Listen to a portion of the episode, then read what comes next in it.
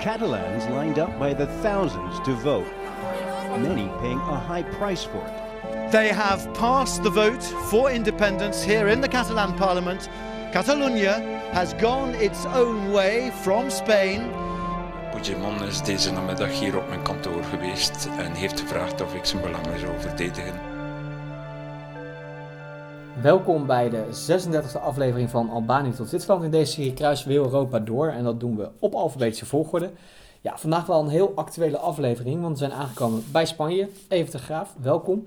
Goedemiddag. Heb jij de afgelopen weken gedacht dat we wellicht een nieuwe aflevering over uh, Catalonië zouden moeten maken? Ja, daar heb ik uh, wel aan gedacht, uh, absoluut. Ik mag echt hopen dat ja, Puigdemont tot ja, bij zinnen komt, bij zichzelf te raden gaat dat hij op een ja, eigenlijk onbewandelbaar pad zich dreigt te bewegen. Je ziet ook dat Europa echt niet staat te wachten op een aantal van die kleine staartjes die dan dreigen te ontstaan. Ze hebben al de handen vol aan 27, nu nog 28 met Engeland erbij, met de brexit. Laat staan dus dat er nog eens een keer tientallen van die kleinere staten bij komen. En ik, ik hou me hard vast hoe dat gaat lopen daar. Want beide partijen zetten de hak in het zand. En ja. dat uh, levert vaak hele slechte ja, resultaten op. Daar komen we straks uitgebreid op terug. We gaan natuurlijk uitgebreid over de Catalanen hebben. Um, maar we beginnen op een, een hele andere kant van, uh, van, uh, van Spanje. Um, ja, we hebben natuurlijk gezien met de Ottomanen op de Balkan dat er, dat, dat er toch lange tijd de islam ook in Europa vertegenwoordigd was in, in landen. Um, maar ook Spanje heeft islamitische geschiedenis. Hè? En dat begint bij de Moren en dat is al in 700 volgens mij. Ja, Klopt, uh, je hebt alles uh, natuurlijk te danken aan uh, de profeet Mohammed, die geleefd heeft van 570 tot en met 632, verkondigt zijn leren, de profeet van Allah. En hij roept ook op natuurlijk in zijn geschriften tot de jihad, de heilige oorlog. En dan zie je dat de islam oprukt. Eerst Noord-Afrika, het Midden-Oosten, maar ook naar Noord-Afrika. En dan komen ze daar op de punt van Noord-Afrika aan. En dan maakte een zekere Tariq, een bevelhebber, die maakte sprong naar het vasteland van Spanje. En die landt daar op de rots. En dat is nu nog terug te vinden, want uh, Gibraltar, dat is eigenlijk Jebel al-Tariq. Dat is de rots van Tariq, die dat uh, punt verovert in 711. En uh, vanaf die tijd regeren de Moren tot en met 400, 1492 in Spanje. Is het een Mohammedaanse natie geworden. Ja. De Moren, de Morisco's worden ze ook wel genoemd. En het is een, een geweldige, ja, uh, hoge beschaving geweest die ze gebracht hebben. Wij denken tegenwoordig aan islamieten dat ze geen beschaving hebben, maar die islamieten brachten een geweldig hoge beschaving. En dat is nu terug te zien wie er wel eens een keer bezoeken brengt aan uh, uh, Andalusië. Dat is trouwens nog eens een keer een, een, een nawee nog van de grote volksverhuizing toen daar de Vandalen uiteindelijk geëindigd zijn. Andalusië, daar zit het er nog in. Maar dan heb je prachtige steden liggen als Granada, met het Alhambra, een van de mooiste gebouwen ter wereld. Cordoba, kun je zien wat een geweldige bouwmeesters ook uh, de Mohammedanen waren. En uh, ook natuurlijk een grote wetenschap hebben ze gebracht. Het zijn vooral ook uh, mensen geweest die veel gekopieerd hebben van de oude Grieken en van de Romeinen. En dat bewaard hebben gebleven, waar toen in de middeleeuwen of in Europa geen belangstelling voor was. Allemaal op schrift gesteld. Veel op het gebied van wiskunde, van geneeskunde zijn ze bezig geweest. Een geweldige periode is dat geweest, totdat het beëindigd werd in 1492 met de Reconquista. De Spaanse koningen, daar komen we zo meteen denk ik nog op, die hebben toen besloten dat Spanje weer natuurlijk verlost moest worden van de overlast van de Moren. En dat ze gewoon een Rooms-Katholieke natie wilden stichten. Precies, en dan, um, uh, um, dan komt uh, dat, dat katholieke Spanje komt, uh, komt opzetten. Um, en dan wordt ook de Spaanse Inquisitie ingevoerd. En dat is toch wel een erg berucht systeem geworden, hè? Ja, je ziet ook wel vermeldenswaard dat er een huwelijk plaatsvindt in 1469 tussen Ferdinand van Aragon en Isabelle van Castilië. Zijn twee hele grote gebieden. Dat is eigenlijk het grootste gedeelte van, van Spanje.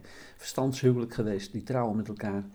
En uh, die hadden dus besloten dat ze inderdaad al die moorden het land uit wilden schoppen en ook al de Joden. 1492 heeft ook nog te maken met de reis van Columbus naar Amerika.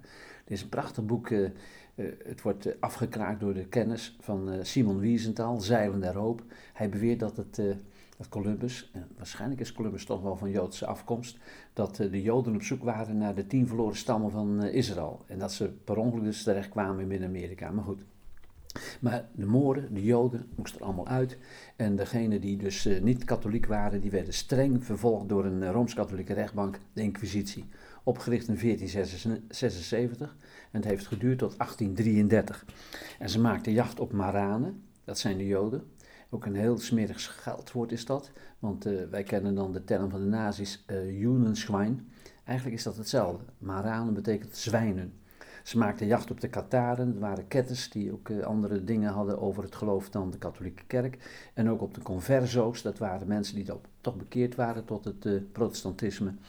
En ze hebben keiharde middelen ingezet, die Rooms-Katholieke rechtbank van de Inquisitie, om die mensen ja, tot andere gedachten te krijgen of eventueel te doden.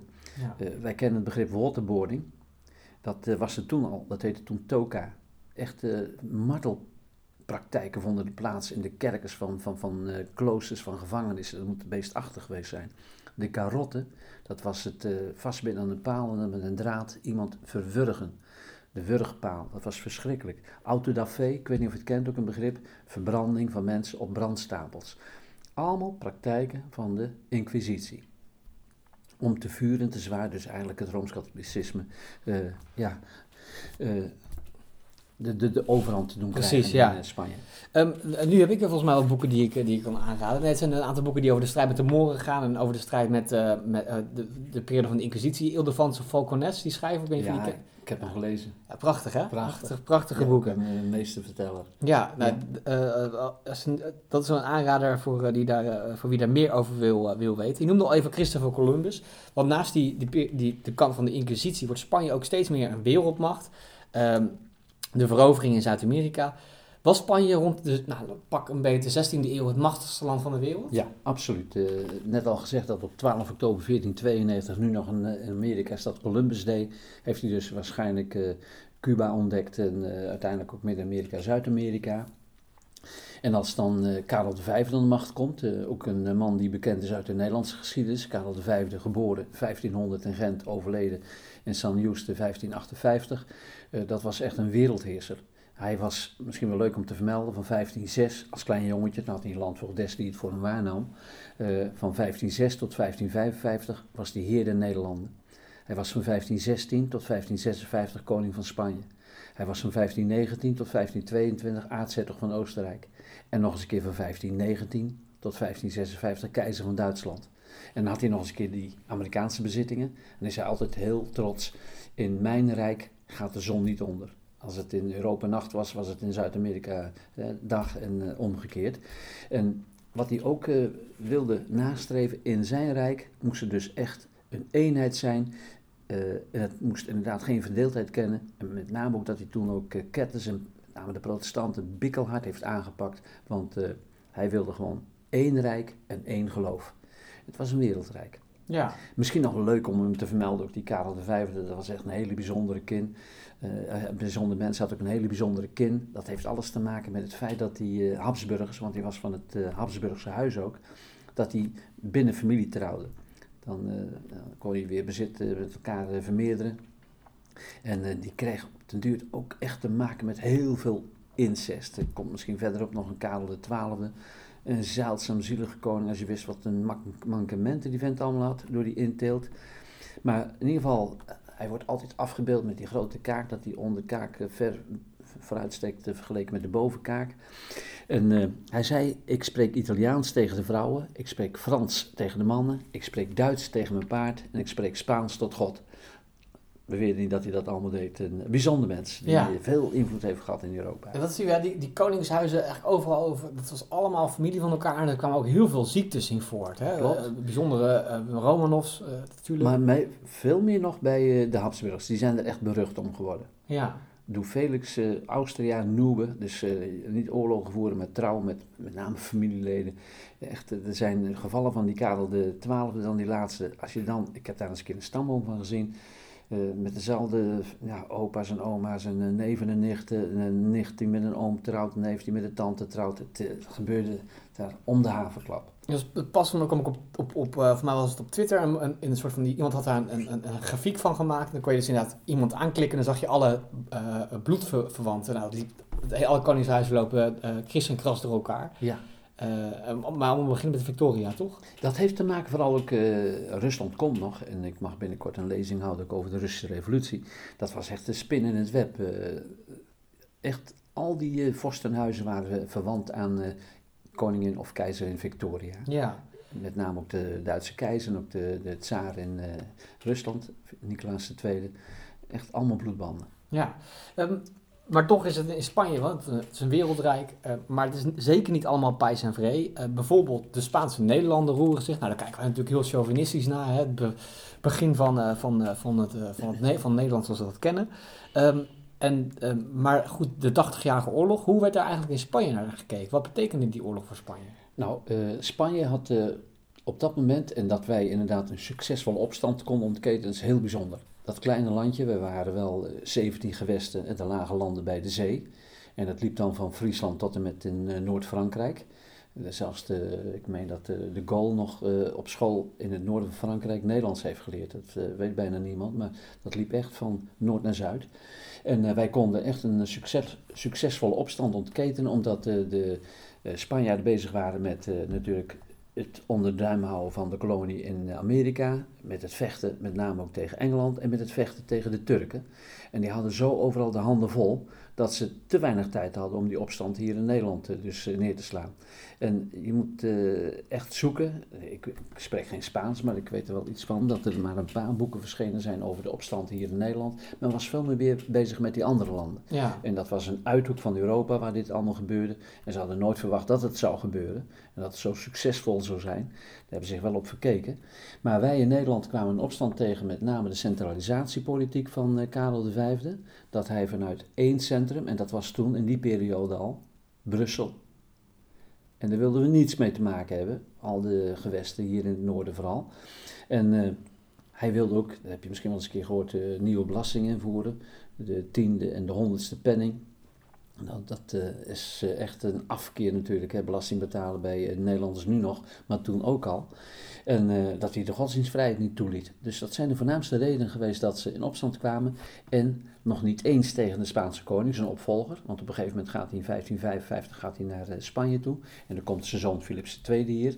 Nou, je kunt denk ik ook het volle borst het Wilhelmus meezingen. De koning van Spanje heb ik altijd geëerd. Philips II. Die hebben we geëerd. Tegen wie kwamen in opstand, werd dan gezegd. Met name ook door Willem van Oranje. Tegen zijn bevelhebber Alva. De tiran Alva van uh, eh, 1567 tot 1573 hier met troepen. En die heeft echt menig stad, Mechelen, Zutphen, Naarden, al dat soort steden, Alkmaar, heeft hij echt verschrikkelijk uh, gebrandschat en heeft hij uh, mensen vermoord. Tegen die man kwamen ze in opstand. Ja, bekend van de tiende penning, toch? De tiende, ja, penning, de tiende penning en de honderdste penning. De tiende penning van Alfa. Ja. Ja, en bij Briel wordt volgens mij nog elk jaar die, die slag nou, nagedaan, hè? Ja, en dan heb je, eigenlijk is dat uh, natuurlijk uh, ook een gelukje dat dat uh, uiteindelijk voor elkaar komt in 1574, 15, wat was het, 72 geloof ik, met een bril. En dan heb je nog, bij Alkmaar begint de victorie, dat inderdaad dan de overwinningen zich één beginnen te rijgen. Ja, um, en daarom doen wij deze serie in het Nederlands en niet in het Spaans. Maar je, je, zei het al, in de jaren breekt iedere, de ene oorlog naar de andere uit. En Spanje, ja, het is altijd als zo'n rijk helemaal soort van overstretched is, zouden de Britten volgens mij het noemen, dan, dan breekt de ene oorlog aan de andere uit. Um, maar laten we er eentje uitpikken. En dan, uh, nou, dan komen we natuurlijk uit bij, bij Napoleon Bonaparte, Frankrijk. Um, dat, want, want daar voeren de Spanjaarden eigenlijk een soort van guerrilla-oorlog tegen uit. Ja. Dat is wel leuk dat je het zegt. Daar komt die term voor het eerst vandaan, een guerrilla-oorlog. Dat is eigenlijk letterlijk betekenis een kleine oorlog. Uh, die Spaanse onafhankelijkheidsoorlog is er geweest van 1808 tot en met 1814. Uh, koning Karel IV die werd afgezet en toen kreeg je een, strijd om de opvolging daar ook. En dan zie je dat aan de ene kant Spanje, gesteund door Portugal en Engeland, het opneemt tegen Frankrijk onder leiding van Napoleon. En uh, dan zie je dat ze inderdaad eigenlijk niet op kunnen tegen die machtige legers van Napoleon. En dan overal van die kleine groepjes die dan van die prikacties snel toeslaan, snel wegwezen enzovoort. Uh, zo proberen ze dus uh, de opmars van uh, ook de troepen in Spanje te ontregelen.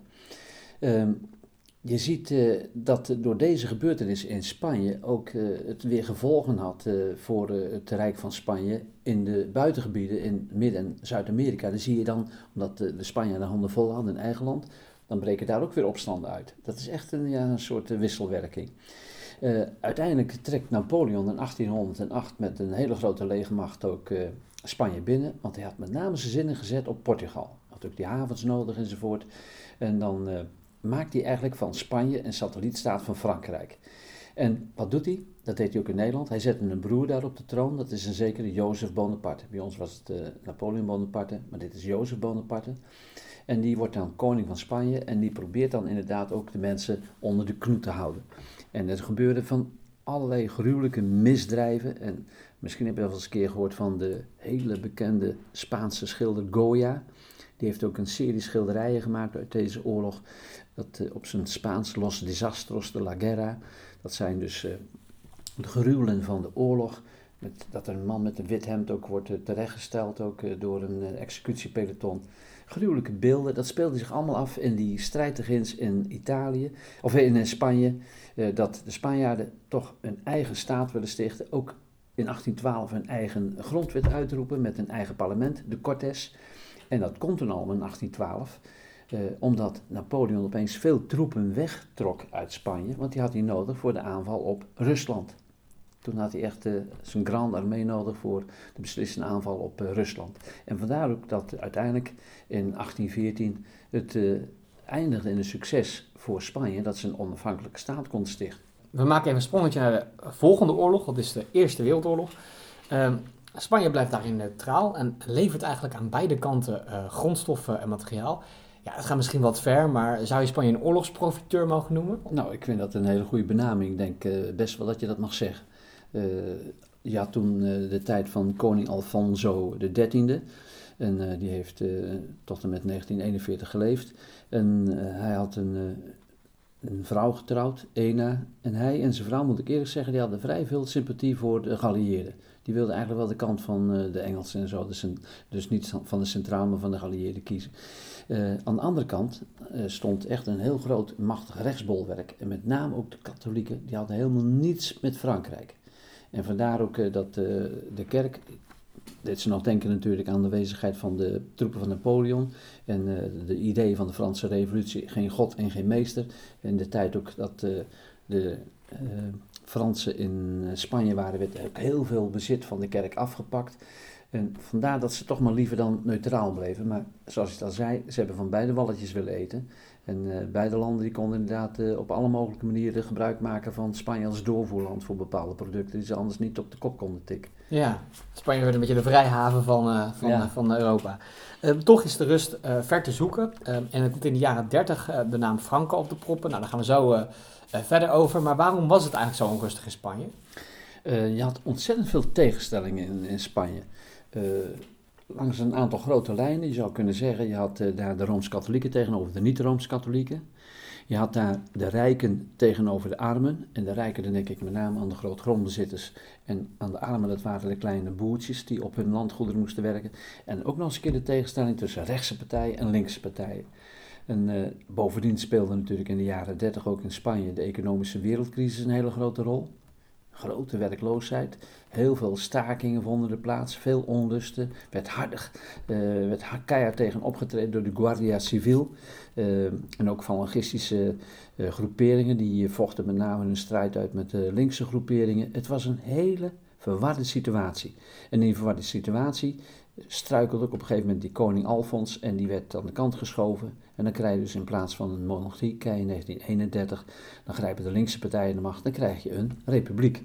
En met name ook een republiek, eh, aangestuurd dus door linkse partijen, die ook een keertje wilden afrekenen met de eeuwenlange invloed van de Rooms-Katholieke Kerk. De, de, de, katholieke kerk werd er behoorlijk uh, hard aangepakt ook. Uh, in het onderwijs mochten geen uh, kruisen en Mariebeelden enzovoort meer in de klasse opgehangen worden. ze moesten gewoon in het eh, stadhuis moesten gaan trouwen. Kerkelijke huwelijken werden niet meer erkend. Op alle mogelijke manieren zaten ze dus, die linkse regering, de kerkmensen dwars. Ja, maar dan komt een, een, een, een heel rechtspersoon op de proppen. En dat, die luistert naar de naam Franco. Toch al een, een berucht eh, politicus eh, geworden. Wat was hij voor man?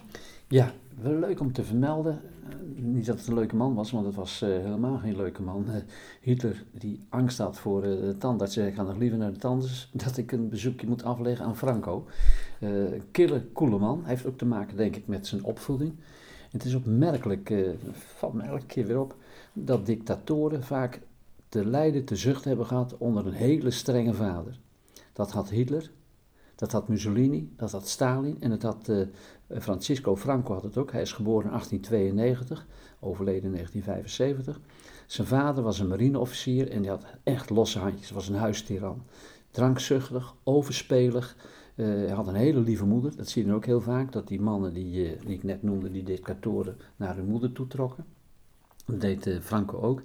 Eh, hij heeft zich zo afgezet tegen zijn vader dat hij heeft besloten om nooit te roken, nooit te drinken en nooit bordelen en dat soort dingen te bezoeken. Want dat deed zijn vader allemaal. Daar wilde hij zich echt van onderscheiden. Hij koos ook net als zijn vader dat wel voor het leger. En eh, hij maakte carrière in Marokko, wat toen nog een Spaanse kolonie was. En eh, daar moest hij met name ook vechten in eh, Marokko tegen de RIF-bewoners. Bekend, ook hier in Nederland, dat veel van die RIF-mensen ook hier naar Nederland toe komen uit Marokko. Dat is een hele harde leerschool voor hem geweest. Hij is getrouwd in 1923 en dan kon je zien dat hij toch al een beetje naam had, want de getuige bij dat huwelijk was eh, koning Alfons XIII, die toen nog aan de macht was.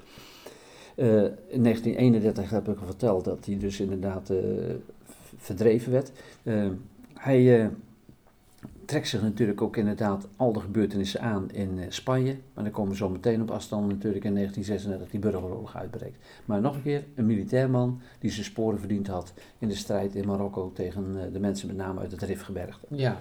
En hij pleegt uiteindelijk een, een, ehm, en ehm, dat, dan ontstaat die, eh, die burgeroorlog. Dat is niet zomaar een burgeroorlog, want dat is eigenlijk een hele rare, hele rare oorlog. Want het is eigenlijk een soort van voorproefje van de Tweede Wereldoorlog. Hè? Ja, het is eigenlijk een soort eh, oefenterrein voor de ja, Tweede Wereldoorlog geworden. Eh, die oorlog heeft geroet van 1936 tot 1939. En dan kun je zeggen dat de Republikeinen, de linkse partijen, die noemden zich het Volksfront, hè, wij vertegenwoordigen het volk, zich afzetten tegen de nationalisten. En de nationalisten, dat waren de mensen van het leger, dus Franco ook. Dat waren mensen van de kerk, dat waren de mensen van de adel, de grootgrondbezitters, en dat waren de falangisten. En eh, die werden ook nog eens een keertje gesteund, die nationalisten, door troepen, soldaten uit Italië en ook uit Duitsland, het beruchte Condorlegioen.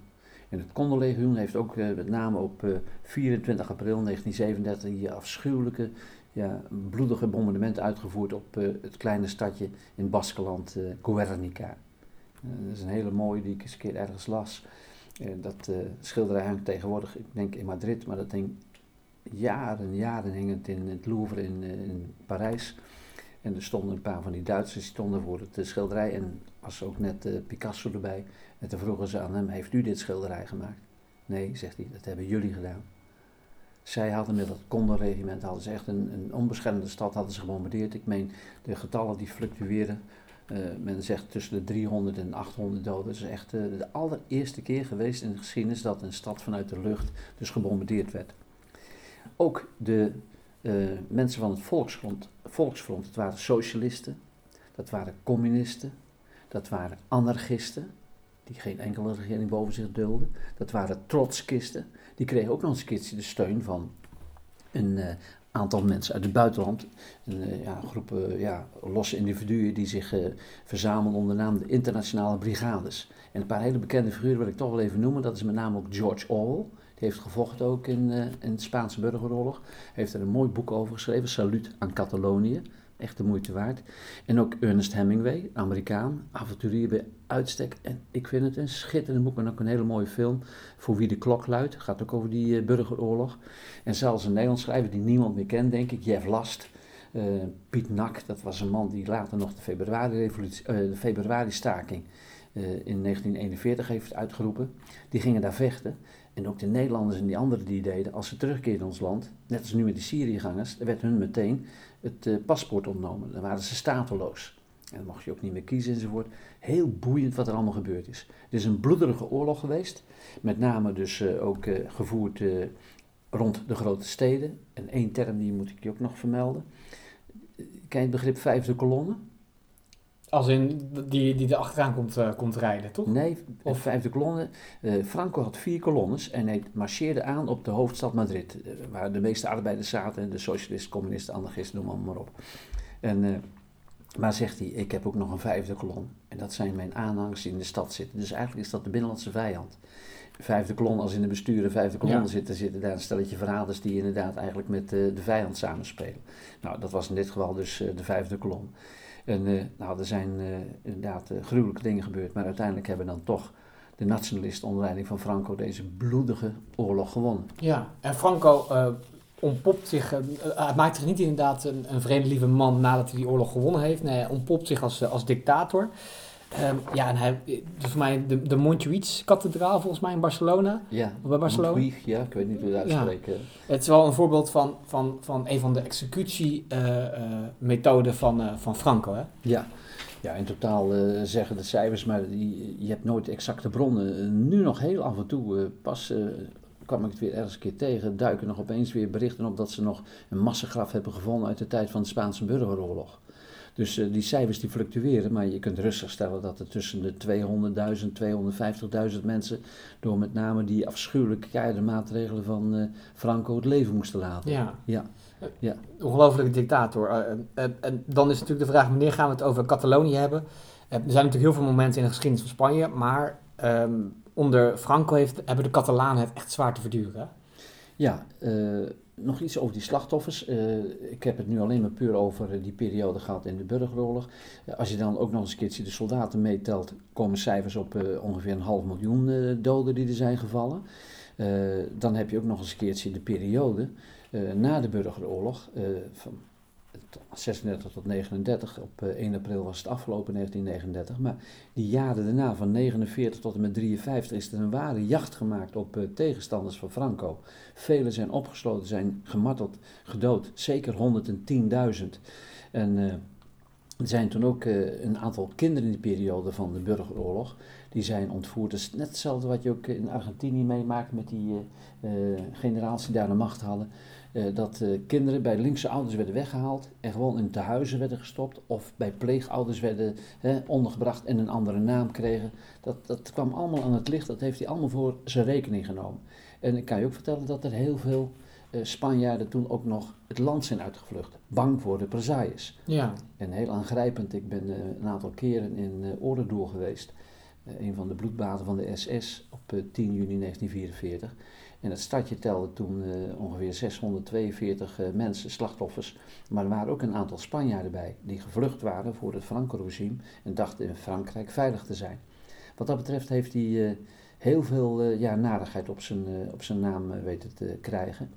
En Spanje had zoveel geleden onder die uh, burgeroorlog dat ze besloten in de Tweede Wereldoorlog uh, neutraal te blijven. Net als eigenlijk in de Eerste Wereldoorlog. Ja, uh, ja. Even, even, nog even daarover, want dat is eigenlijk heel bizar. Want Mussolini Hitler die hadden natuurlijk wel gerekend op de hulp van Franco naar alles wat ze voor hem hadden gedaan, toch? Klopt. Met name ook wat ik al vertelde, dat ze hadden geholpen bij de burgeroorlog.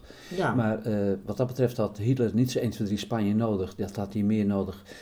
Nederland Engeland en, of uh, België en Frankrijk voor een aanval op uh, aardsvijand uh, Engeland. Dus wat dat betreft heeft hij het gewoon laten liggen.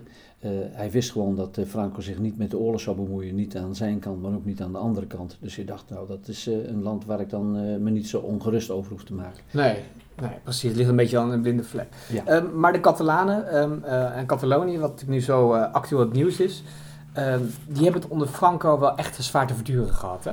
Ja, Zeker weten. En uh, misschien wel goed te vertellen, uh, dat uh, wordt pas in de krant las ik dat, dat wordt de Philippe-ziekte genoemd.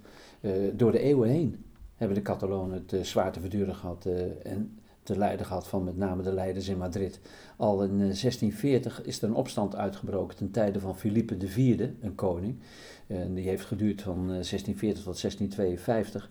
Dat is een hele bloedige opstand geweest, waarbij ook uh, Catalonië dus uh, probeerde de macht te grijpen. Er zijn ook duizenden door toedoen van die koning vermoord. Uh, dan heb je een ander moment, dat is rond 1700.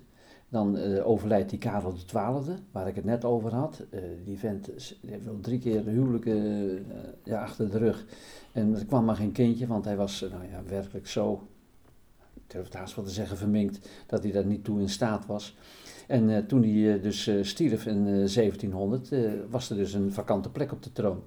En toen is de Spaanse successieoorlog is er geweest van eh, 1701 tot 1713, waar ook Nederland een klein rolletje in heeft gespeeld. Engeland ook nog een hele grote rol, heeft toen Gibraltar veroverd. Maar toen kwam er wel een vorst aan de macht, het was Philippe V. En toen met name ook in Spanje eh, ook andere minderheden weer probeerden de zelfstandigheid te bewerkstelligen, heeft die Philippe V, die geregeerd heeft van 1700 tot 1724, ook veel troepen naar Catalonië toegestuurd. En daar eh, echt die opstand bloedig onderdrukt. Dus dat is de tweede keer. 1640, 1700 en dan kom je natuurlijk in de Spaanse burgeroorlog. Al vlak voor de Spaanse burgeroorlog hadden de Catalanen in 1934 de eh, onafhankelijkheid uitgeroepen. Dat is toen al niet helemaal gelukt. Maar Franco die had natuurlijk een geheugen als een olifant, die was het niet vergeten. En heeft toen echt jacht laten maken ook op eh, onafhankelijkheidsstrijders en eh, Catalanen die dat eh, gepropageerd hadden. En die hebben dat ondervonden aan de lijve wat de haat van Franco betekende. Er werden echt ontzettend veel mensen gewoon op stille plekken zonder vorm van proces werden geliquideerd, uit de weg geruimd en al dat soort dingen meer. Dat Catalaanse gevoel moest helemaal onderdrukt worden. Op de school alleen maar Spaans leren, geen eh, Catalaans. In de kerken moest inderdaad ook in het Spaans gepreekt worden. Dat soort zaken, dat eh, heeft hij echt erdoor gedrukt. Ja. En er is natuurlijk één plek waar het vrij lastig is om dat te controleren. Dat is in een voetbalstadion met 90.000 Catalanen. Ja, En we zijn allebei voetbalfans. Eh, Barcelona, Mescoen Club, meer dan een club. Maar dat is echt een symbool voor Catalonië. Ja, absoluut. eh, misschien wel leuk om te vermelden. Ik las het pas ook nog in de krant eh, dat eh, die club is opgericht in 1899 door een Juan Camper. Het heeft nog een tijd lang volgens ook mij dat stadion zijn naam eh, gehad. Was een protestantse Zwitser. Maar met name hebben wij Nederlanders natuurlijk daar een rol in gespeeld. En het heeft alles te maken met Rinus Michels. Die werd al in 1971 trainer. Naar, heeft maar één Europa Cup gewonnen. Hè? Kovacs toen die andere twee, Ja, in 72 voor en Ajax, met 73 voor Ajax, Ajax. ja. ja. En eh, Johan Cruijff, die, eh, op een gegeven moment kreeg hij ruzie met Piet Keizer. En eh, die was het zat. En die ging toen ook in 1973 naar Barcelona toe, naar zijn oud-trainer. En toen werd hij daar met open armen ontvangen. En het bleek dat hij een geweldige aanwinst was. Kort kwam ook nog Johan Neeskens. Dus dat was echt een Nederlandse enclave erin in Barcelona. Maar hij kreeg daar de naam Cruijff van El Salvador. Hè, de verlosser. Want wat gebeurde er? Al in 1974, na een aantal jaren dat ze weinig te betekenen hadden, grepen ze het kampioenschap. En zelfs met een wedstrijd die ze met 5-0 wonnen van, eh, van Real Madrid. En dat is In een Bernabeu, toch? en Bennebeu, Ja. precies, met één doelpunt van Cruijff. Dat, eh, ja, en ik, ben christen, maar ik vind dat ze daar een beetje te veel woordspeling op maken. Maar JC, Johan Cruijff, Jezus Christus, dat was dus echt, voor die Catalanen was dat de verlosser Ja. en de zaligmaker. Hij had ook nog een andere bijnaam, weet je dat? El Flacco, hij was ook de magere, de, de graad magere, dat was ook nog zo'n bijnaam van hem. En hoe die ook ontzettend veel sympathie verwierf, eh, Cruijff, met eh, zijn allereerste zoon, die hij een hele Catalaanse naam gaf, van Jordi. Ja. Ja, dus eh, dat heeft echt eh, ertoe geleid dat met name ook Cruijff in zijn periode als speler natuurlijk de, Bas, de mensen in Barcelona geweldig veel zelfgevoel gaf. En ook natuurlijk toen hij daar kwam in 1988 als trainer ook nog eens een keer. Met het dreamteam wat hij wist te, te bewerkstelligen. Geweldige Precies. Ja, sport en politiek lopen in, in dit geval echt gewoon heel nauw door elkaar Ja, heen. absoluut. Zeker En ook eh, op de dag van het referendum dat Barcelona zei, nou we gaan zonder, zonder publiek spelen. We, eh, we schrijven ons uit voor het referendum voor een onafhankelijk Catalonië. In alles is, en dat is natuurlijk dat Barcelona-Madrid, Real, is misschien wel daarin een van de mooiste clashes die er is. Omdat het ook politiek en alles zo beladen is. Hè? Ja. Maar als Catalonië zich afscheidt, ja, wat moet dat voor een eh, Ja. competitie worden? Je hebt Girona, eh, nog een paar Ja. Espanyol en eh, Barcelona. Espanyol, Ja. ja. En dan heb je het gehad. Ja, Ja, precies. Ehm, nou, na de dood van Franco, even terug, verandert Spanje langzaam in een democratie. Eh, inmiddels is het ook toegetreden tot de EU.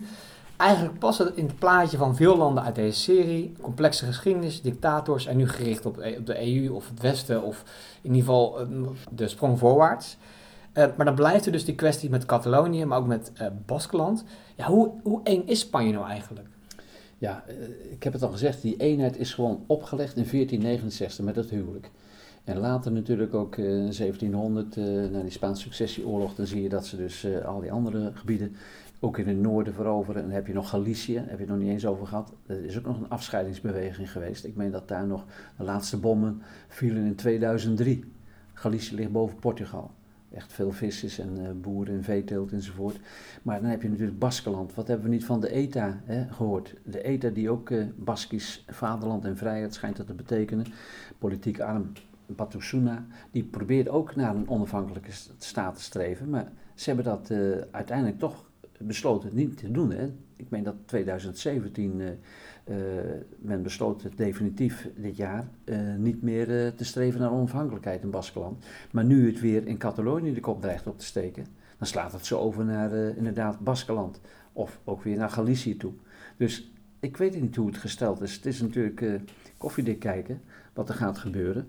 Ik hoop echt vurig dat er inderdaad gesproken wordt. En zolang er gesproken wordt, vallen er geen klappen en geen schoten. Maar dan moet wel Rajoy aan de ene kant kan ik het heel goed snappen dat Rajoy, premier Rajoy en ook de koning misschien ook nog wel, dat die gewoon ervan uitgaan, er is maar één mogelijkheid, een verenigd Spanje. Want ook Europa zit niet te wachten op een, eh, verdeeld uh, Spanje. En echt niet met open armen zal Catalonië opgewacht uh, worden bij de Europese Unie. Ja, Daar geloof ik niks van. Die zijn gewoon bang dat dan ook Schotland en andere, ja, je hoort als, als geruchten van Friesland, van een onafhankelijk staatje. Nou ja, dat, dat, daar moet je er niet in denken. Dat is uh, geen goede zaak, denk ik zelf. De laatste week is echt een soort van politiek spel op, het, op de wagen gekomen hè, tussen Spanje en Catalonië. Um, nou, als u deze podcast later een keer luistert, is de kans heel groot dat er inmiddels alweer drie, vier nieuwe ontwikkelingen zijn geweest. Ja. Uh, maar we schrijven vandaag 14 november. Um, en um, volgens mij is er een ontwikkeling in die zin dat Puigdemont uh, weer van zich heeft laten horen. Ja, ik heb uh, bijvoorbeeld ook vanmorgen in de Volkskrant gelezen van 14 november dat de Catalaanse leider die geeft de onafhankelijkheidseis op. Hij heeft gewoon waarschijnlijk eieren voor zijn geld gekozen. Hij zit nu, ja, eigenlijk kun je het noemen in ballingschap in, in België. En dat hij toch te hoog van de toren heeft geblazen. Hij baseert zich wel op een, een verklaring die er in 2010 is gekomen van een autonomiestatuut. Dat zowel is goedgekeurd door het Catalaanse parlement als ook het Spaanse parlement, dat ze recht hebben op onafhankelijkheid, maar heeft zijn hand overspeeld. En dat heeft hij duidelijk gemerkt. En ik moet eerlijk zeggen dat uh, Rajoy en ook de Spaanse koning gewoon gezegd hebben, maar uh, dat gaan we echt niet toestaan, uh, dat ja. separatisme. Zij moeten gewoon zich blijven aansluiten ook bij, bij Spanje. En ze hebben hard ingegrepen, met alle gevolgen van dien. En ook, dat hebben ze waarschijnlijk ook onderschat, die separatisten, met name ook Puigdemont wat voor een gevolg het zou hebben. Ze hebben onderschat, denk ik, hoeveel Catalanen eigenlijk het er niet mee eens waren dat ze gingen afscheiden. Dat ja. toch wel bij Spanje wilden blijven behoren. Ja. En met name ook omdat er heel veel grote bedrijven nu al zijn weggegaan. En dat betekent echt uh, verlies van uh, werkgelegenheid en noem allemaal maar op. En uh, banen en dat het kapitaal wegtrekt. Maar bovendien, wat ze ook gemerkt hebben, is dat de Europese Unie helemaal niet staat te juichen, te springen van kom maar binnen binnen de EU. Die willen dat juist helemaal niet. Die ja. zien uh, het al gebeuren dat er allerlei andere, Corsica, Sardinië, uh, misschien Friesland, Vlaanderen, noem ze maar op, uh, in Noord-Italië, Lega Noord enzovoort, die ook allerlei onafhankelijkheidseisen hebben en wensen hebben dat zou echt uh, nou ja, de deur wijd openzetten voor uh, dat soort uh, afscheidingsbewegingen. En dat wil men gewoon niet in nee. Europa. Nee, we hebben het al in deze aflevering, of deze eigenlijk hele serie aan, komt, komt heel vaak het zelfbeschikkingsrecht voor. Ja. Um, maar dat, daar lijkt op dit moment even geen tijd voor zijn. Hè? Nee, het zelfbeschikkingsrecht dat even weer is een stukje naar beneden gegaan vanwege tot bijvoorbeeld. ja, en er zitten politici zitten er vast opgesloten in de gevangenis en dus in ballingschap enzovoort. Ik denk dat het in de kiem gesmoord is. misschien wel niet op een fraaie manier, dat je denkt dat is uh, niet echt democratisch wat er allemaal gebeurd is. Aan de andere kant uh, handhaven ze dus ook uh, ja, 155 een artikel uit de grondwet die zegt dat ze dat recht hebben, de, de Spaanse regering, om zo op te treden tegen de separatisten. Ja, ik, ik, ik proef een beetje dat je wel een voorstander, voorstander bent van één Spanje. Niet per se ja, ik denk uh, aan de andere kant, ik snap best wel dat ze meer vrijheid willen hebben. En ze hebben veel meegemaakt. In 1714, uh, toen leek het er meest op dat ze een onafhankelijke staat uh, konden stichten. Ik las ergens een leuk feitje. Ze hebben daar heel veel vlaggenmasten ook in, in Catalonië. En die vlaggenmasten die zijn 17 meter en 14 centimeter refererend aan het jaartal dat ze toen na de Spaanse successieoorlog uh, leken ja, kans te hebben om een eigen staat te kunnen stichten. Maar ja, dat is dus uh, allemaal uh, niet mogelijk geweest, ook met name dat Rajoy zich houdt aan de grondwet, artikel 155 en afscheiding, dat kan er niet. Goed, Dank voor deze uitleg. We blijven het volgen. We blijven de ontwikkelingen eh, volgen.